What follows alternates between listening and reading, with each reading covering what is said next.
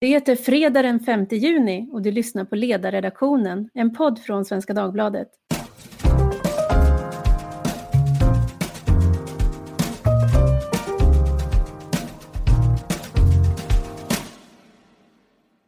Jag heter Tove Livendal och idag ska vi tala om vad som händer i det politiska Sverige. På söndag är det partiledardebatt i SVT Agenda och för några månader sedan så hade det handlat om gängkriminalitet, integration, kanske också skola och sjukvård. Men nu överskuggas allt av pandemin som lämnar mycket annat därhän. Framförallt så blir det ju tydligt i vilket skick Sveriges politiska ledning hanterar den kris som vi är inne i nu. Så vad är det som händer? Hur går konfliktlinjerna och vad kan vi förvänta oss av partiledardebatterna som stundar både då och den i Agenda men också i onsdag på riksdagen? Det ska vi tala om nu och med mig för att göra det har jag Anders Lindberg, politisk chefredaktör i Aftonbladet och Maria Ludvigsson, ledarskribent i Svenska Dagbladet. Varmt välkomna båda två.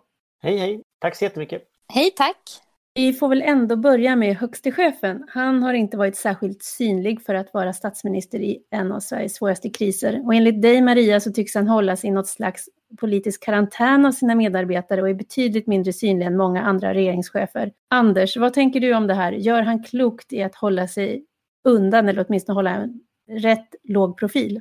Alltså jag tycker inte han håller så låg profil. Jag tycker man ser honom hela tiden. Men sen, sen är det väl så att, att eh, den, den svenska krishanteringen bygger mycket på att man delegerar till, till sakministrar och att ministrar delegerar till myndigheter och då blir det mycket mer av ett lagarbete än eh, om man då kanske har en pressträff runt statsministern som vissa länder har. Men, men tittar man runt om i världen så är vi inte helt, alltså det är inte helt ovanligt det här. Alltså man skickar ofta fram eh, smittskyddsexperter eller läkare och sådär, eh, socialministrar och sånt runt om i världen. Så jag tycker ju inte att, jag har liksom ingen efterfrågan på mer av Löfven, eh, som det ser ut just nu. Så. Eh, men men eh, jag känner inte att det är något större problem, ska jag säga. Maria, har du en stor efterfrågan på Stefan Löfven? jag tänkte säga, där är Anders överens, jag saknar honom inte på det sättet. Däremot kan man säga att eh, Löfven är ju, eh, alltså, statsminister innehar ju, ett, innehar, har ju ett ämbete som i sig är viktigt i sådana här tider. Det är klart att människor är oroliga, man undrar, och då tror jag det, det har ett särskilt värde att man snarare tvärtom använder det faktum att man innehar statsministerposten och den som är statsminister använder sin roll för att eh, ge tydliga direktiv. Om, man, om det blir oro och man undrar så ska han eller hon vara den, den som är tydlig att, att vända sig till. Jag tycker snarare så att den man ser mest ifrån regeringen är Lena Hallengren, tidigare också Magdalena Andersson. Och det, jag, så skulle jag inte göra om jag satt i regeringsställning. Jag tycker det, det har ett viktigt symboliskt värde att statsministern syns. Fast jag tror, jag tror ju att det, det, jag tror det är lite så svenska regeringar faktiskt brukar fungera. Men det behöver inte vara rätt för det. Nej, ja, fast lite är det så att man inte kastar om regelboken när det är kris, tänker jag. Och, och tänker man på, på andra sådana här katastrofer som har varit, nog var det Laila Freivalds som syntes när tsunamin var och, och nog var det liksom landshövdingen i Västmanland som vi såg när, när det brann. Och tittar vi liksom eh, i olika tillfällen så, så dels ministrar som är specialministrar eh, och, och dels de myndigheter eller lokala myndigheter som är ansvariga. Det är ofta de som syns i media tänker jag. Alltså, vi brukar göra så. Precis, man brukar göra så. Därmed inte sagt att det är rätt. Jag, jag tror att det är skillnad mellan är och bör även här. Eh, och jag kan tänka mig att just nu så är det ju ett, ett speciell sorts kris som liksom är pågående. Det är inte något som har hänt som vi sen ska reparera oss efter, utan det är pågående hela tiden. Sen råder det också en ganska, eh, man är ganska kluven i landet huruvida Anders Tegnell är någon att att luta sig mot eller inte, det kan man tycka olika om, men det verkar så tydligt som att det behövs en, eh, den här lite stadigare personen eller institutionen då som, som finns där att lyssna till. Man kan jämföra med andra nordiska länder där man förvisso har en annan, en annan ordning vad gäller ministrar och eh, andra ämbetsmän. Men till exempel Erna Solberg har varit betydligt mycket mer synlig än Löfven. En annan dimension på det här också, det är ju vilken mån, antingen om man så att säga förbrukar vad man har att ta till med, om det skulle behövas läggas in en extra växel och då, då, då kanske tanken är att då kan man använda statsministern. Men det finns ju också en, ja det finns ett annat perspektiv som också handlar om att skydda eh, någon ifrån att ta för mycket kritik. Alltså det är, man, ska, man ska hålla liksom ibland, ibland kan det ju bli väldigt allvarligt som när vi diskuterar Transportstyrelsen och man ser till att hålla information så långt ifrån den som har högsta ansvaret så att det till slut blir en politisk fråga bara det. Så det är lite svårt att veta vad det är som pågår men det man kan se är i alla fall att det förtroende som regeringens, eh, alltså förtroendet för regeringens förmåga att hantera coronaviruset har sjunkit ganska rejält om man tittar på den Novus-undersökning som kom nyligen till 45 procent i juni jämfört med 63 procent i april. Och även förtroendet då för de som man har ställt sig mycket bakom, Folkhälsomyndigheten, det har fallit då till 65 från 73 procent, det är ändå en ganska hög nivå, och för MSB till 48 procent från 57. Eh, vi har ju kritiserat på ledarsidan i Svenska Dagbladet regeringen för att inte kliva fram och ta kanske synligt i ansvar man kan förvänta sig, men även från vänster så har det kommit kritik och förra veckan skrev Arenas vd Håkan A Bengtsson så här. Under coronakrisen har Sveriges folkvalda gömt sig bakom Folkhälsomyndigheten. Beteendet är en del av en strukturell maktförskjutning där politikerna retirerat till förmån för experter, myndigheter, tjänstemän och jurister. Håller ni med om det eller invänder om man tittar på den generella bilden, inte bara just coronakrisen? Jag tror, att, jag tror att Håkan Bengtsson är en mycket klok person på många sätt, men, men jag vet inte om riktigt den spaningen gäller nu. Alltså det är väl mera det här med att den spaningen gäller att man har massa nationalekonomer som uttalar sig om politik i tv och att man, man delegerar saker som tidigare var offentliga uppgifter till privata bolag eller till experter där ett vanligt exempel är att man kanske har två statsvetare som diskuterar en politisk fråga i tv istället för att man har två politiker som gör det och sådär. Eh, och, och, den där så här, flykten bort från ett politiskt ansvar, det finns ju i vår tid. Men just i, i det här fallet så skulle jag säga att här ser vi ju en medicinsk fråga. Och just medicinska frågor tror jag politikerna har svårt att svara på. Alltså jag tror det, det är en typisk sån fråga som är knepig att hantera. För att de är inga, nu kan inte uttala namnet fortfarande, då, epidemiologer här, men de är ju inte det. Och, och, och, då blir ju liksom frågan, ska man, ska man ha skyddsmasker eller inte? Eh, vilket avstånd ska det vara på bussen? Eh, och sånt där. Det kan ju inte politiker på något sätt med någon slags rimlig grad av, av eh, expertkunskap hävda att de vet.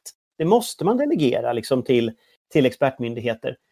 Så, så att, vad är det egentligen för beslut man hade väl trott skulle fattas som skulle bli annorlunda om politikerna fattat dem än om experterna fattat dem? Ja, jag håller med. Det, det är just det, här, det där ordet att vara det. det. Det är få av dem i politisk ställning som är det.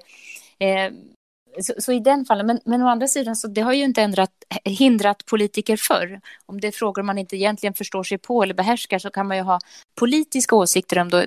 Miljöpolitik är inte heller enkel därför att den, det handlar om att kunna en hel del av eh, naturvetenskap och vara påläst på ett sätt som alla politiker inte kan vara. Men man kan ha synpunkter på den då, och det är kanske är det som efterfrågas. Sen tycker jag det är intressant att specialister ibland tas in för att förklara vad är skillnaden mellan de här två politiska motståndarna egentligen? Det vill säga politikerna förklarar själva inte att påvisa vad deras skillnad är. Man märker att de är oense men man förstår inte varför. Och då behövs ibland en statsvetare eller någon annan som förklarar varför. Jo, den här skillnaden har de i grundsyn, därför landar de i olika ståndpunkter. Jag tycker att det har varit slående under, under den här krisen hur olika språkvärldar kan man säga har krockat med varandra. Att du har dels det vetenskapliga, eh, medicinska som du är inne på Anders, men sen det är ett annat språk än det som politiker och journalister använder och eh, en sån sak som till exempel frågan om osäkerhet eller bedömd risk. Där är vetenskapen, jag tycker att om man går tillbaka och tittar på hur saker och ting har besvarats så kan man ofta se att det har funnits vetenskapligt grundade svar, men det är långt ifrån tillfredsställande om man, är, eh, om man går in i den politiska logiken och den mediala logiken där du vill veta exakt hur ska jag göra, är det två meter, hur ska jag göra i de här situationerna?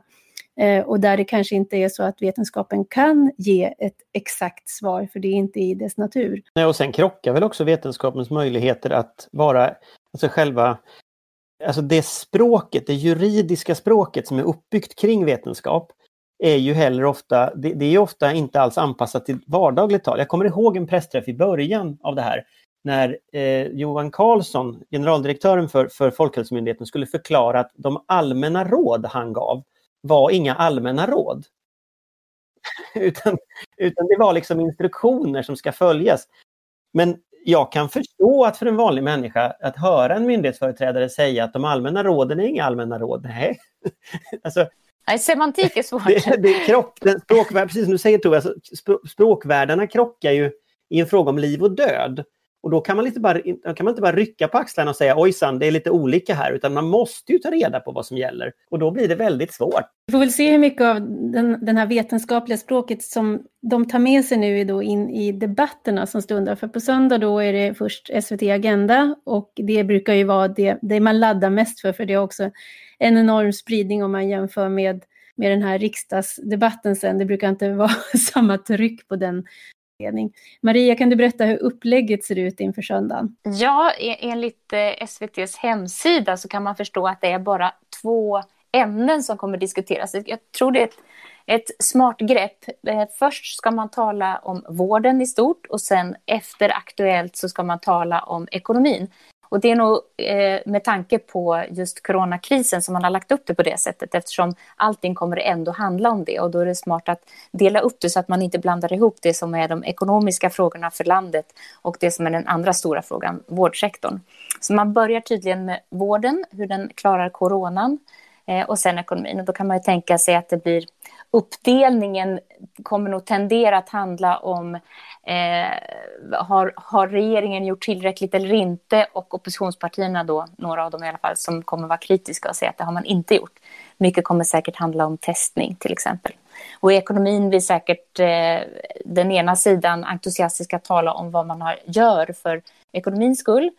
Eh, vänstern kommer eh, antyda att det vore bra att fortsätta med detta medan borgerligheten då kommer säga att det är viktigt att det här dras tillbaka så snart som möjligt när faran är över. Mm.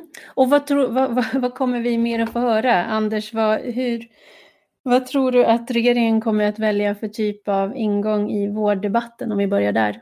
Den blir ju den blir en defensiv position om man uttrycker sig. Ja, jag tror att regeringen kommer att fortsätta försöka vara statsmän om man säger så. Eh, och eh, den som avviker från det kommer naturligtvis att, eh, hamna i en ganska konstig situation för då blir alltid motfrågan, men om du är inte bra, varför har du inte gjort något annat då? Så, så jag, tror ju att, jag tror att regeringen försöker dra ut på den här borgfreden så långt som möjligt och liksom betona att liksom all kritik mot politiken är i själva verket eh, liksom, eh, det undergräver Sveriges krishantering och sådär. Så jag tror att den första liksom linjen kommer att vara att man inte kommer att gå i polemik om sjukvården. Sen kommer det att hålla ungefär en kvart. Så, att, så att sen, sen, sen, tror jag man kommer att gegga ner sig. Och då kommer man att säga att jo men vem är det som är ansvarig för sjukvården i Sverige? Ja det är regionerna. Varför har man inte skött det? Eh, jag såg, vi såg en förfäktning på, tror jag det var Aftonbladet Debatt idag, jag tror det var Aftonbladet Debatt, eh, när eh, Karin Vangård var ute och pratade om alltså, eh, oppositionsborgarrådet i Stockholm pratade om äldreomsorgen i Stockholm, att där har ju 900 personer dött. Eh, och det är klart att det är epicentrum i krisen. Varför är det det? Och sen hade de en massa teorier om det då. Så, så jag tror att regeringen kommer att säga att, att, att regionernas ansvar är inte skött. Det är Moderaterna som styr det här. Eh, Stockholms kommuns ansvar är inte skött för äldreomsorgen. Det är Moderaterna som styr det här. Men jag tror att det kommer liksom vara den andra försvarslinjen eh, för regeringen när det gäller just, just välfärden. Man vill nog helst att alla ska säga att allting är bra, men det tror inte jag, det kommer inte att hända. Liksom. Vad tror du Maria, vad kommer vi att för, förvänta oss att höra? Ja, men precis, jag tror precis som Anders, att man kommer öppna på det här entusiastiska sättet att nu är vi överens om att det är otäckt med pandemi.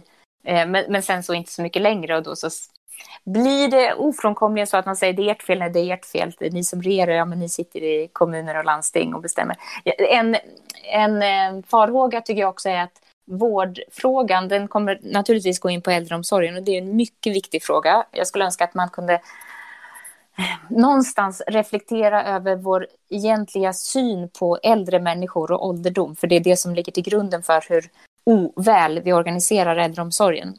Eh, men jag tror att dessvärre kommer det hamna, handla mer om det vardagliga snacket om är det privat vård eller inte, är det en privat eh, vårdnadsgivare eller inte. Och att det blir diskussionen istället för att prata om vår syn på eh, gamla människor och hur viktigt det är att de får ha det så värdigt som möjligt. Sen vägen dit är en annan. Jo, men det tror jag är en viktig poäng faktiskt, det du, det du säger. Att, att det här är ju en del av ett system som går tillbaka 20-30 år i tiden av försyndelse när det kommer till äldreomsorgen. Uh, jag är rädd, om inte ännu längre. Om inte ännu längre, men jag tänker i alla fall tillbaka till ädelreformen 92 när här, kommunerna tog över ansvaret så kan man ju säga att kommunerna har ju inte klarat ansvaret. Och, och jag tänker att det hade varit lite befriande att få liksom en diskussion, för alla politiska krafter har ju varit inblandade och är ansvariga för det där. Men att faktiskt sätta upp en bild. Och då tycker jag Erik Åsbrink av alla människor skrev en intressant sak på Facebook för typ några veckor sedan. Och han pekade just på att vi hade liksom äldreomsorg och så hade vi barnomsorg. Och barnomsorgen den utvecklades liksom till en pedagogisk verksamhet med högskoleutbildning och, och väldigt liksom tydlig utveckling. Medan äldreomsorgen alltmer bara förfaller ner i någon slags förvaring.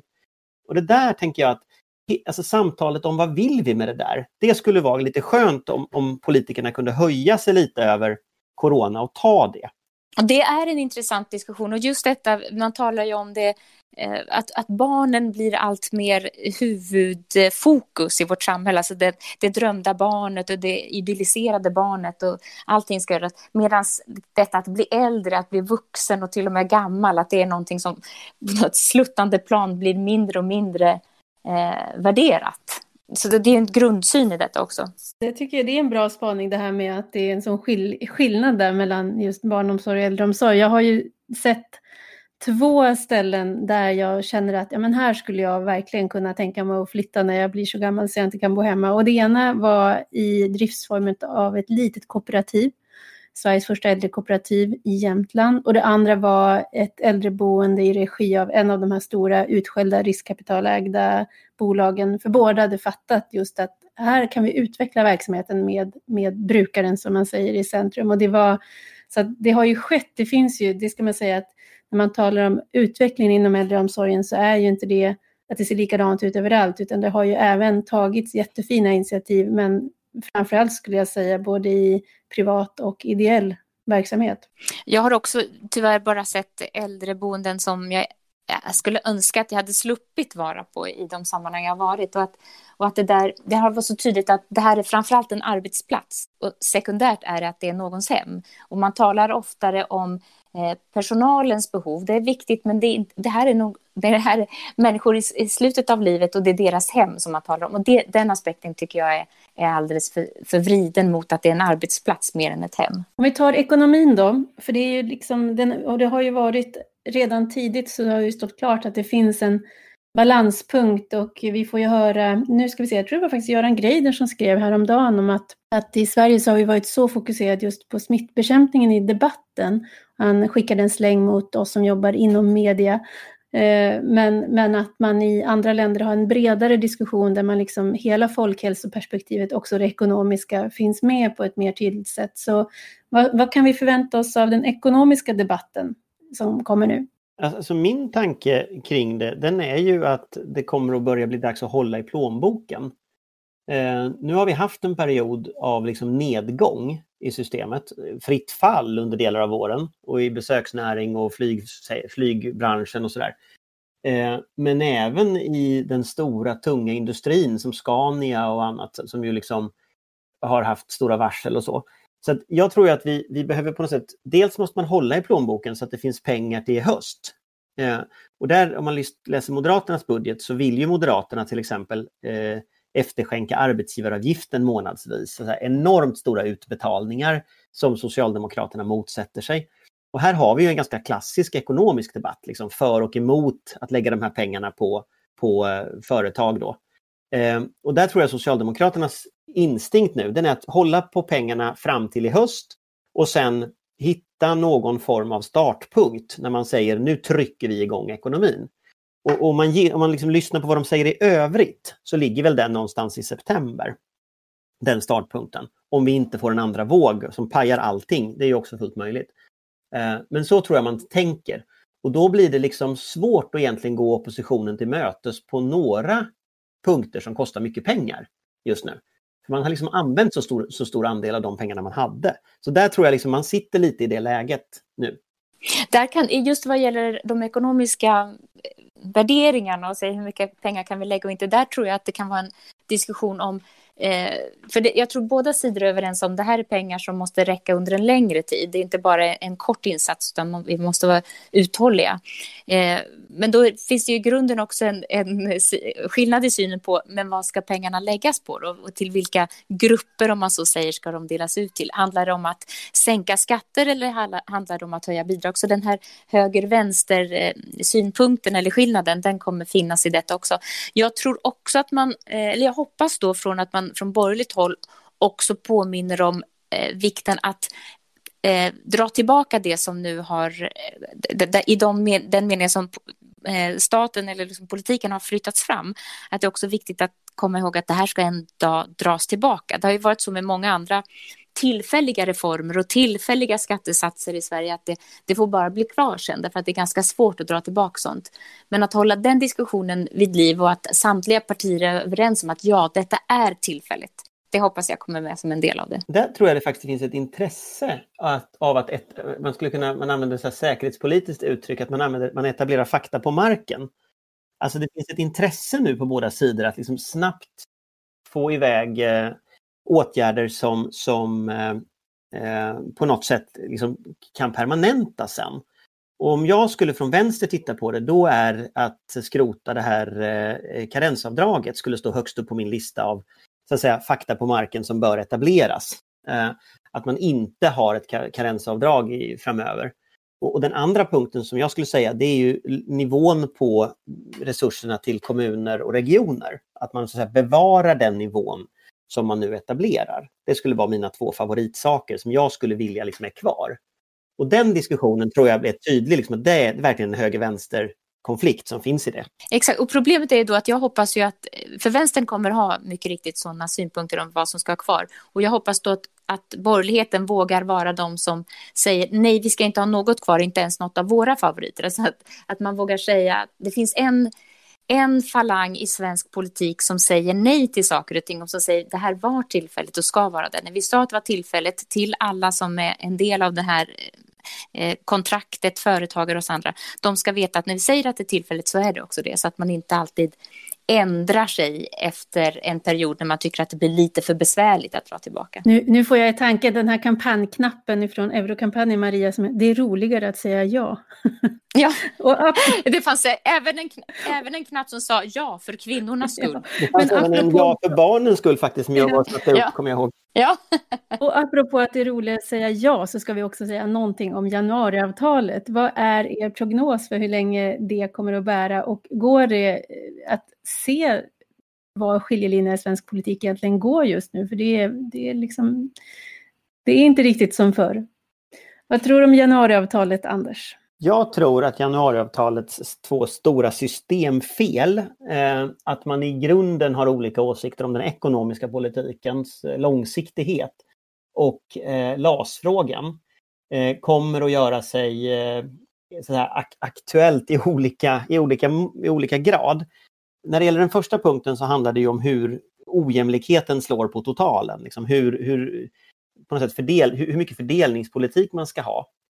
Och där skulle jag säga att där, där tror jag att den här coronakrisen på ett sätt räddade januariavtalet, för nu bara vräker man ut pengar. Eh, och det, det, det, stimulerar ekonomin, eh, det, det, är också någonting som, som till exempel höjd a-kassa, eh, karensavdrag, alltså det är väldigt mycket av det som socialdemokratiska gräsrötter ville ha. Men däremot när det gäller LAS så skulle jag säga att eh, där har retoriken från borgerligheten nu att dels inom socialdemokratin så är alla överens om att den här utredaren gick alldeles för långt, eh, givet de direktiv man skrev. Och när retoriken från borgerligheten är det struntar vi i, låt oss bara gå vidare. Då tror jag väldigt, väldigt många nu får kalla fötter och börjar fundera på, okej, okay, är det här någonting som vi ska försöka trassla oss ur?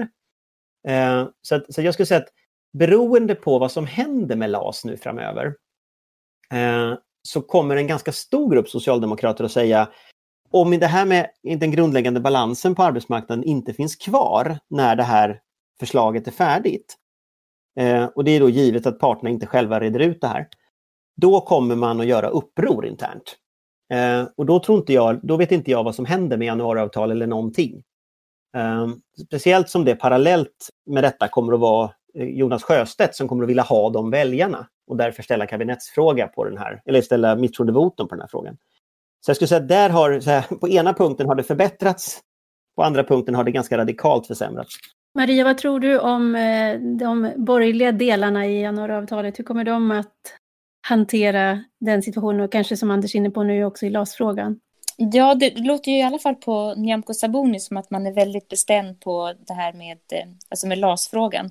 Ja, vi, vi är några som hela tiden har sagt att januariavtalet kommer att hålla så länge den gynnar socialdemokratin och inte längre. Alltså när man kommer till LAS och till marknadshyror så då, då pallar man inte längre. Och det verkar ju bli precis just så. Det är stor, svårt att tro att det kommer bli någon större lagförändring av eh, arbetsmarknadsregleringen ens med ett januariavtal. Jag är inte förvånad, men ja, det är så det blir. Det är så det blir. Hörni, vad kommer ni att hålla utkik nu då efter i det politiska landskapet i närtid? Vad liksom, vad, för de som lyssnar nu, vad är viktigt att hålla ögonen på? Det blir alltid en fråga, vad skulle man vilja se trots allt?